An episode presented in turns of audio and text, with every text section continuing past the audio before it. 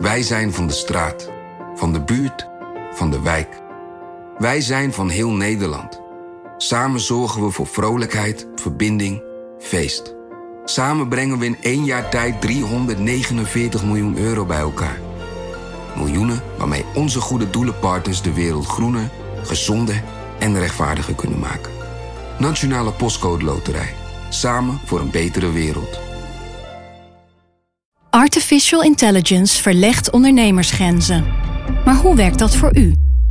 Als transformatiepartner helpt Capgemini u kansen te ontdekken en benutten, zodat we uw ideeën tot leven brengen. Vorm uw eigen mogelijkheden met generative AI. Ontdek meer op capgemini.nl/slash AI. Capgemini. Get the future you want.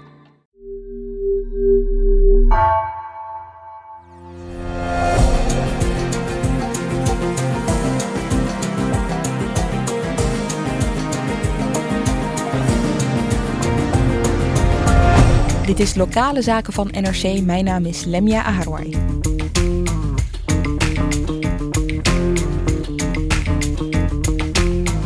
Vandaag en morgen mag je nog stemmen. De afgelopen weken probeerden we je in lokale zaken al te begeleiden richting dat moment. Door je meer informatie te geven over bijvoorbeeld kandidatenlijsten, over de werkdruk van gemeenteraadsleden, over gemeentefinanciën en over het verschil tussen landelijke en lokale partijen. Maar hoe weet je eigenlijk hoe jouw gemeentebestuur en gemeenteraad het de afgelopen vier jaar hebben gedaan? Best een belangrijke vraag en daarmee sluiten we deze serie dan ook af. We gaan het hebben over de controle op het lokale bestuur, de dus en de wethouders. Uh, want die worden gecontroleerd uiteraard door de gemeenteraad. Maar we hebben je al verteld, die krijgt het steeds drukker. Het aantal media is afgenomen. Bezuinigingen hebben ook nog eens voor verschraling gezorgd. Wie controleert nog het lokale bestuur? En omdat dit de laatste aflevering is van Lokale Zaken, maken we ook nog de balans op.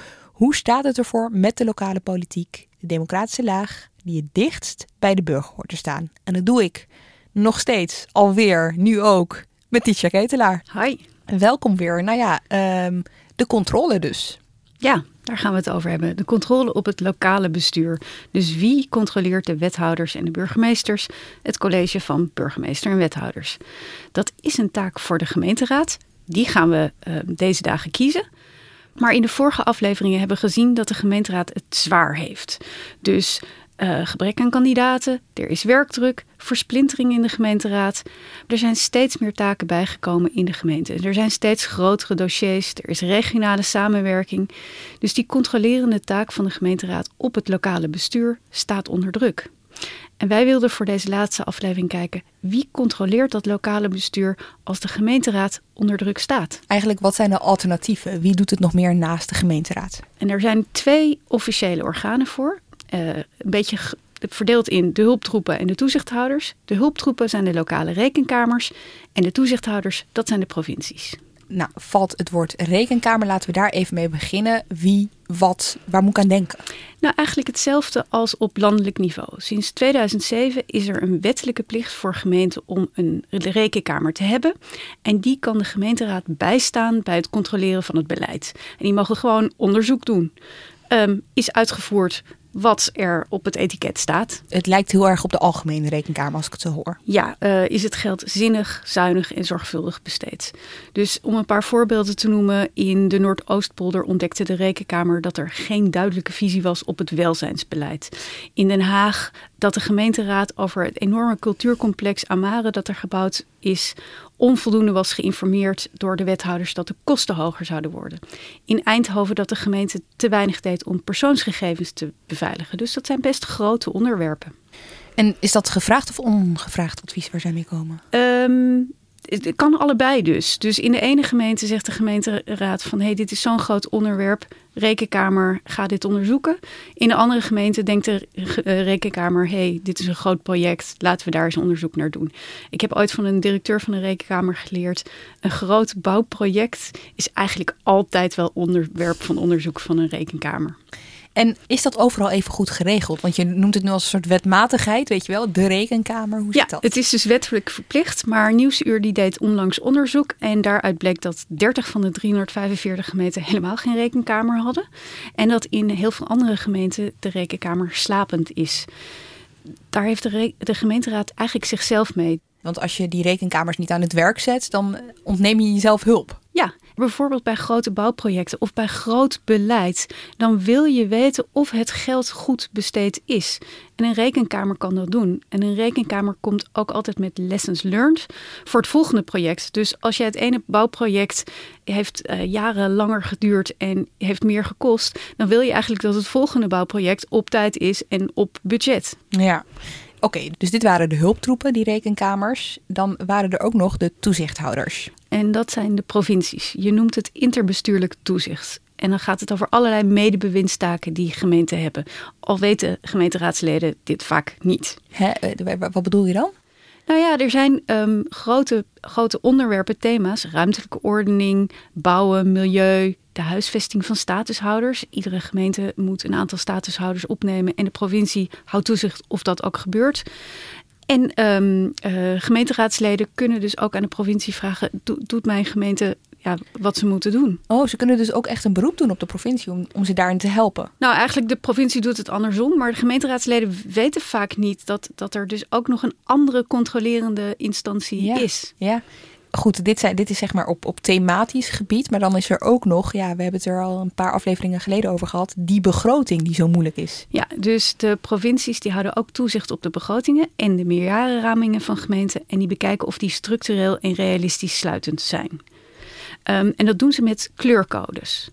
Groen, oranje, rood. Het stoplicht. ja. ja. Dus uh, groen, niks, niks aan de hand. Oranje, een aantal waarschuwingen. En rood, dan komt een gemeente onder verscherpt toezicht van een provincie te staan. En dan moet de provincie alle uitgaven goedkeuren die een gemeente doet. Alles? Alles. Wauw. En dat was, dat stelde je de vorige keer, dat is nu nog maar. Dat is nu nog één gemeente, gemeente in, van de 345 Vlissingen. Ja, goed, dit is zeg maar de, de theorie op papier. Maar uh, we hebben het de afgelopen tijd ook over gehad. Er, er zijn wel wat problemen voor gemeenteraden. Uh, bijvoorbeeld om die begrotingen sluitend te krijgen. Ja, um, ik vertelde al, gemeenten krijgen die met kunst en vliegwerk uh, sluitend. En dan is het volgende probleem eigenlijk: wat voor macht hebben provincies om, om gemeenten die hun taak verzuimen ja, bij de les te houden? Nou, er is een hele ladder van, die iemand stuurde mij die toe.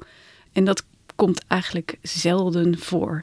Het blad Binnenlands Bestuur die constateerde laatst dat in geen enkele gemeente met een forse achterstand in de huisvesting van statushouders het provinciaal ingrijpen boven het hoofd hangt. Maar eh, voor mijn begrip, eh, provincies kunnen dus zelf die escalatieladder ernaast houden, zal ik maar zeggen. Maar ja, op, op, op en in ze hoeven niks af te vinken, zal ik maar zeggen. Nee, en dan is er het derde probleem, daar hebben we het ook al een beetje over gehad. Er zijn een heleboel taken die niet meer bij de gemeente liggen.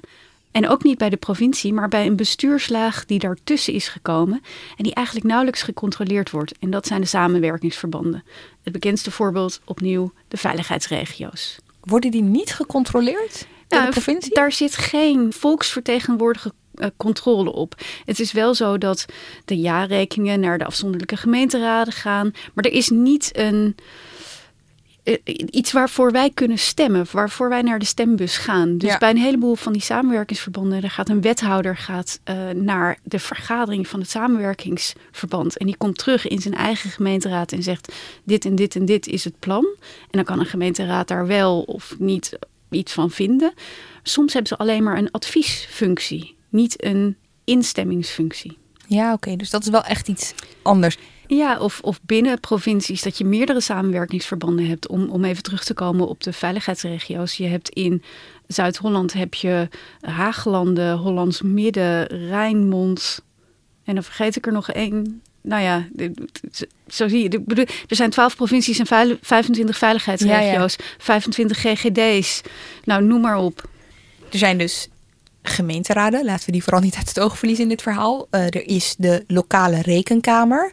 Ehm, er is de provincie, die oefenen allemaal controle uit.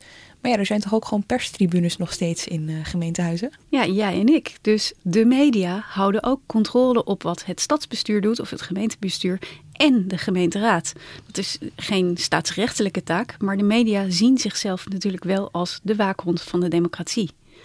En dat is toch interessant, um, als, als de media er niet zijn, uh, ja, hoe informeren burgers zich dan? Ik moet, moet even zelf denken aan de provinciale statenverkiezing. Uh, een paar jaar geleden. Toen ben ik een maand lang de provincie Zuid-Holland gaan volgen in allerlei vergaderingen. En ik zat daar bij een commissievergadering en er werd in een kwartier 90 miljoen uitgegeven aan een warmtepomp die van de haven in Rotterdam richting Den Haag zou moeten komen. Nou, ik had er nog nooit over gehoord. 90 miljoen, jeetje mina. Ja. En er zat één inspreker en ik. En dat was het. Ja, en dat zul je in de gemeenteraad natuurlijk ook vaak meemaken. Dat heb je in, de gemeenteraad ook, ja. Ik, ik had het net over die regionale samenwerkingsverbonden. Dat zijn vaak vervoersorganisaties ook. Daar zitten meerdere gemeenten in. Bewoners merken vaak pas iets van zo'n vervoersregio als de buslijn wordt geschrapt. Ja, dat besluit is natuurlijk al maanden eerder genomen in zo'n vervoersregio. Dus eigenlijk missen we heel veel. Ja, niet overal zitten meer journalisten bovenop. Of niet overal zitten journalisten bij, laat ik het zo zeggen. Want we zitten natuurlijk wel overal bovenop. Het grote probleem is dat de afgelopen decennia lokale media het zwaar hebben gekregen en hebben moeten bezuinigen op allerlei posten. Dus uh, bestuurders hoor je wel eens zeggen: ja, er zijn steeds minder journalisten die gemeenteraden controleren. Maar het is vooral zo dat journalisten nog wel die gemeenteraden controleren, maar misschien meerdere gemeenteraden hebben gekregen onder hun hoede. Er is net zoals bij de gemeenteraden meer werk bijgekomen. Er is meer werk bijgekomen, ja. Ja, onze collega Iris Verhulstonk die sprak daarover met Jaap de Jong. Hij is hoogleraar journalistiek en nieuwe media in Leiden. En hij heeft onder andere onderzoek gedaan naar het lokale medialandschap in Zuid-Holland. Vooral bij de kleinere gemeentes was het opvallend dat waar je vroeger één of uh, ja, soms wel twee uh, kranten had. Daar was nog één krant over of een weekblad over. Alleen maar minder abonnementen. Dat zie je over de hele lijn in heel Nederland. Uh, ja, jongeren die hebben minder de neiging om geld te betalen voor nieuws, omdat er zoveel gratis te vinden is in hun ogen. Dus advertentiekosten zijn ook naar beneden gegaan. Nou, die twee factoren maken eigenlijk wel dat het verdienmodel voor de lokale media echt uh, niet rooskleurig was. En dan kwam er ook nog eens bij dat de gemeentes het in hun hoofd kregen dat ze hun advertenties, die ze normaal uh, voor een aardig bedrag uh, lieten publiceren in die lokale media, dat ze die ook nog eens een keer terugtrokken. Dat ze dachten, ja, daar kunnen we zelf al eigen gemeentekanalen voor gebruiken. Dus dan houden wij geld van de burgers op zak. Maar dat betekent voor het medielandschap dat ook daar weer geld wegvloeit. Dus er zijn bijna geen of steeds minder professionals die nieuws maakten. Iris en ik die wilden ook graag kijken naar een gemeente waar heel weinig media zijn. En wij kwamen terecht in Hardingsveld-Giessendam, waar maar één huis een huisblad is. AD Rivierenland en AD Dort, die zijn er af en toe wel. Maar het kompas is de krant voor deze gemeente. Oké, je zegt Hardingsveld, Giesendam. Ik uh, ken niet heel veel feitjes over die gemeente. Hoe groot is het? Meer dan 18.000 inwoners. Oké, is dat groot? Hoe... Dat, is, dat is best fors, ja. Oké. En wij gingen praten met Esther Kouwmans. Zij is de enige vaste redacteur van het Kompas. Dat heeft acht pagina's en die vult zij zelf met medewerking van een aantal freelancers. Ik maak zelf ook het kompas, dus echt ook de stramine, de vormgeving. Oh, alles doe alles. ik zelf. Alles doe je zelf. Het was maandagochtend. Esther had haast, want ze moest die krant vullen. Ze vertelde dat ze inderdaad die paar freelancers kon inhuren. Ze heeft voor vier uur per week een politiek verslaggever. Maar ze is vooral heel afhankelijk van wat andere partijen haar aanleveren. Dus we liepen langs die historische vereniging, langs hun gebouwtje. En vertelden ze, ja, die leveren iedere maand een pagina voor ons aan. En uh, ze vertelde ook dat ze met een aantal collega's van andere huis aan huisbladen een cursus heeft gegeven.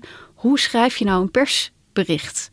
Want dan konden sportverenigingen hun persberichten zo aanleveren dat ze er heel weinig aan hoeven te doen. En dat het mooie verslagjes zijn die in de krant kunnen. Hoe objectief is het dan nog? Weet je wel, als je mensen gaat trainen om jou te vertellen, om, om jou iets te kunnen geven zodat je dat blind door kan zetten, zal ik maar zeggen. Dan... Nou, dat vroegen wij haar natuurlijk ook en we stelden Esther die vraag. Oh, ja, dat vind ik moeilijk eigenlijk. Ik heb een goede verstandhouding met de gemeente. Het, uh, we, helpen elkaar als dat nodig is. En, uh, maar ja, we zouden ook gewoon kritisch naar elkaar kunnen zijn. Dat is, uh, dat is iets wat we eigenlijk gewoon... heb ik volgens mij nog niet echt heel erg gehad. Maar uh, ik denk dat, dat we dat gewoon heel makkelijk naar elkaar kunnen uitspreken. En gewoon kritische vragen kunnen stellen. We vroegen de burgemeester vervolgens ook hoe hij dan de samenwerking met journalisten zag. Ik ben Dirk Heikoop, uh, burgemeester van Hardingsveld Giesendam sinds 2016. Uh, met veel plezier overigens. Nou ja, hem viel vooral op dat journalisten weinig aan checks en balances doen. Heel veel persberichten worden wel, uh, wel overgenomen. maar goed, zeg maar het, het zelf op zoek gaan door media, dat is wel heel beperkt. Dus dat is dan toch meer van, nou ja, of er moet ergens iets gebeuren. wat, wat dan heel veel aandacht trekt. Uh, of, of, burgers uh, zijn ergens boos over die dan de media opzoeken. Uh, het, maar dat gebeurt eigenlijk maar heel zelden, om eerlijk te zijn. Dat is niets ten nadele van journalisten als Esther, maar door gebrek aan mankracht en aan tijd, ja, dan word je afhankelijk van externe partijen om jouw pagina's te vullen. En dan is er weinig tijd voor kritisch onderzoek. Wat hoor je dan van de kant van lokale politici? Want dit gaat ook over de verslaggeving of eigenlijk het gebrek aan verslaggeving van waar zij mee bezig zijn. Zij zouden het liefst willen dat alles op de voet gevolgd Uiteraard, wordt. Ja. Uiteraard. Een burgemeester zei me onlangs dat hij nog de tijd kende dat er een raadsverslaggever was. Nou ja, die is er al lang niet meer. En net zoals wij bij NRC ook niet meer elk Tweede Kamerdebat of elk commissiedebat volgen je gaat van tevoren ga je kijken wat staat er op de besluitenlijst, wat staat er op de agenda, is dit interessant? Als het interessant is, ga je van tevoren misschien met Kamerleden praten. Dat doe ik ook met raadsleden. Je gaat van tevoren kijken. Of je gaat naar de plek van het onderwerp van het debat. Dus je hoeft niet meer bij zo'n vergadering te zitten. Onze collega Rick Wassens die ging naar Bergen op Zoom langs bij Maarten van den Boom. Die is directeur en hoofdredacteur van streekomroep Zuidwesten. En die zei het volgende. Dit is natuurlijk de, grootste flauwekul.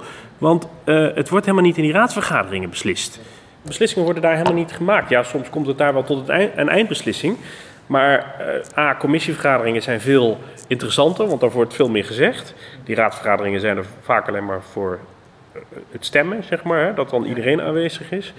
Maar dan is alles al gezegd. Um, en er gebeurt natuurlijk veel meer gewoon ook, nou ja, ik zal niet zeggen in de achterkamertjes, maar ja, zoals ik al zei, schrijven over de politiek gaat niet alleen over de gemeenteraad. Journalisten kijken inderdaad dus naar die agenda. Wat is er interessant?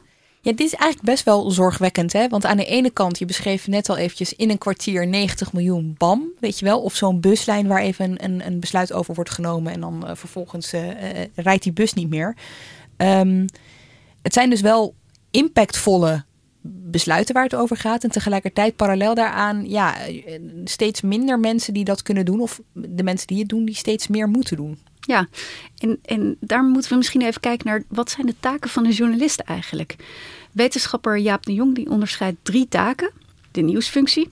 Is er nieuws? Wat gebeurt er? Uh, waar gaat het over? Gemeenschapszin en sociale cohesie. Dus die is zeker lokaal heel belangrijk. En de derde functie uh, die hij onderscheidde is kritische onderzoeksjournalistieke functie. En vooral daar gaat het niet goed mee volgens Jaap de Jong. Wat er verloren gaat is eigenlijk dat zijn die kritische stukken van journalisten die niet alleen maar een quoteje gaan halen bij de wethouder, maar die dan dat ook afzetten tegen uh, de eerdere uitspraken en beloftes van die wethouder, die eens even kijkt naar wat er in uh, ja, de beloftes waren aan het begin uh, bij de verkiezingen. Uh, die ook even naar drie andere politici gaat lopen en die ook de gevolgen van het beleid uh, ja, bij de burgers gaan verifiëren door een paar belanghebbenden te interviewen. Nou, dat soort wat langere ademjournalistiek, uh, daar is gewoon geen tijd meer voor. En datzelfde zagen we ook bij Esther, de lokale journalist in Hardingsveld-Giessendam. De burgemeester hoorde we al eerder zeggen dat een kritisch tegengeluid mist.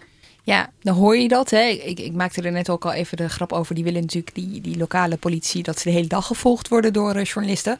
Maar goed, dat is de lichte kant ervan. De andere kant is dat er natuurlijk ook dingen gebeuren waarvan ze liever niet hebben dat er uh, verslag over wordt gedaan. Nee, maar het is ook goed voor de democratie als er kritische mensen rondlopen. Dat hoeven niet per se journalisten te zijn.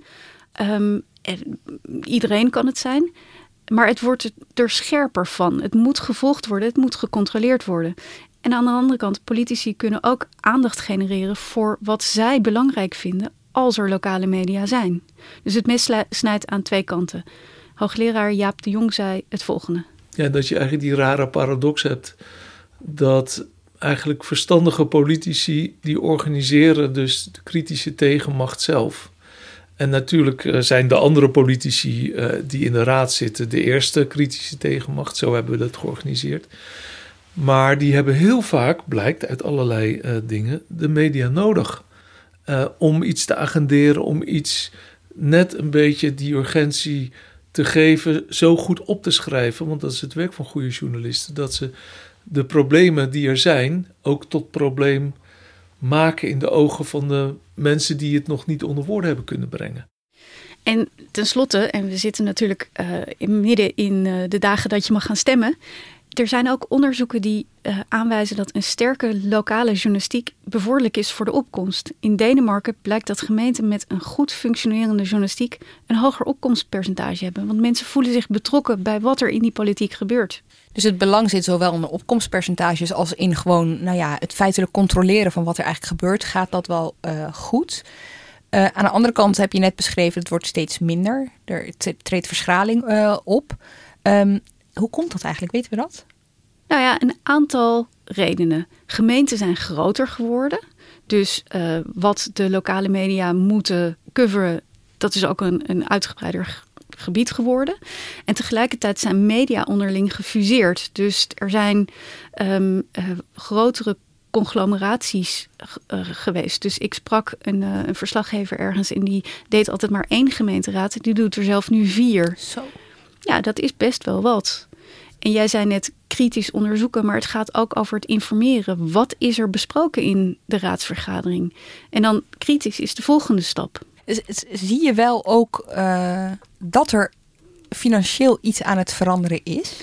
Nou ja, wat je ziet is dat dit ook doordringt bij zeker lokale bestuurders, maar ook de landelijke politiek. Het vorige kabinet heeft 4 miljoen uitgetrokken om regionale en lokale journalistiek te stimuleren. En er zijn allerlei fondsen waar journalisten bij kunnen aankloppen. Het Stimuleringsfonds Journalistiek, um, nou ja, potjes voor speciale projecten. Dat is dan wel ad hoc en niet langdurige versterking van de lokale journalistiek. Het risico is wel dat als jij geld krijgt van een gemeentebestuur, uh, als dat stimuleringsfonds een gemeentefonds is, het moet wel zo geregeld zijn dat die journalistiek onafhankelijk blijft en dat ze lokale media kunnen berichten over wat ze zelf besluiten dat belangrijk is. Als ik dit zo allemaal hoor, hè, dus we hebben de gemeenteraden gehad, uh, de provincie, de rekenkamer en media dan is er overal iets op aan te merken. Of tenminste, overal zijn er risico's of zijn die risico's zelfs al werkelijkheid uh, geworden. Ja, ik probeer, ik probeer vaak eh, een soort van optimisme met een soort optimistische toon te eindigen, maar help me daar even Ja, bij. en ik wou niet al te zorgelijk klinken, maar, maar de controle op het lokale bestuur staat onder druk. En, en dat is in lijn met wat we in deze eerdere afleveringen van lokale zaken hebben onderzocht. Wat staat er op het spel? Nou ja, de democratie, om even met een groot woord ja. te noemen. Um, zoals ik al eerder zei, de lokale politiek begint bij als je de voordeur uitstapt. Het zijn de politici die het dichtst bij ons staan. En het is belangrijk voor onze democratie als die bestuurslaag functioneert en ook gecontroleerd wordt. Ja, precies. Overigens, we hebben nog één controlerende macht niet besproken, nou? Lemia. Nou, dat zijn wij allemaal zelf. Je stem uitbrengen is ook een controle op wat de gemeenteraad in jouw gemeente de afgelopen vier jaar heeft gedaan en welke kant je nu wil dat het opgaat. De opkomst was vier jaar geleden nog geen 55 procent. Vergelijk het even met landelijk, dat was vorig jaar bijna 79 procent. Dus. Daar valt nog wat te winnen. Nou ja, misschien dat de afgelopen vier afleveringen in ieder geval um, kunnen helpen met de afweging om wel of niet te gaan stemmen. Dankjewel, teacher Ketelaar. Uh, ook voor ons er doorheen loodsen de afgelopen uh, weken. Tot zover lokale zaken. Je kan dus vandaag en morgen nog stemmen voor jouw gemeenteraad. En over de uitslag van die verkiezingen en de duiding daarbij uh, zijn we er zaterdag weer, zoals je gewend bent, in de wekelijkse Haagse Zaken. Eindredactie werd gedaan door Anne Moraal en Ido Havinga. Productie door Gabrielle Ader en Iris Verhulsdonk. En montage door Marco Raaphorst. Heel graag tot zaterdag.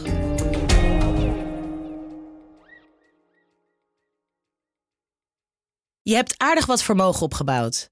En daar zit je dan, met je ton op de bank. Wel een beetje saai, hè? Wil jij, als belegger, onderdeel zijn van het verleden of van de toekomst? Bridgefund is een slimme fintech die een brug slaat tussen de financiële behoeften van ondernemers en van beleggers. Dus wie belegt bij Bridgefund krijgt niet alleen een mooie vaste rente, maar brengt ook ondernemers in beweging. Echt waar, met die ton kan je zoveel betere dingen doen. Bridgefund. Make money smile.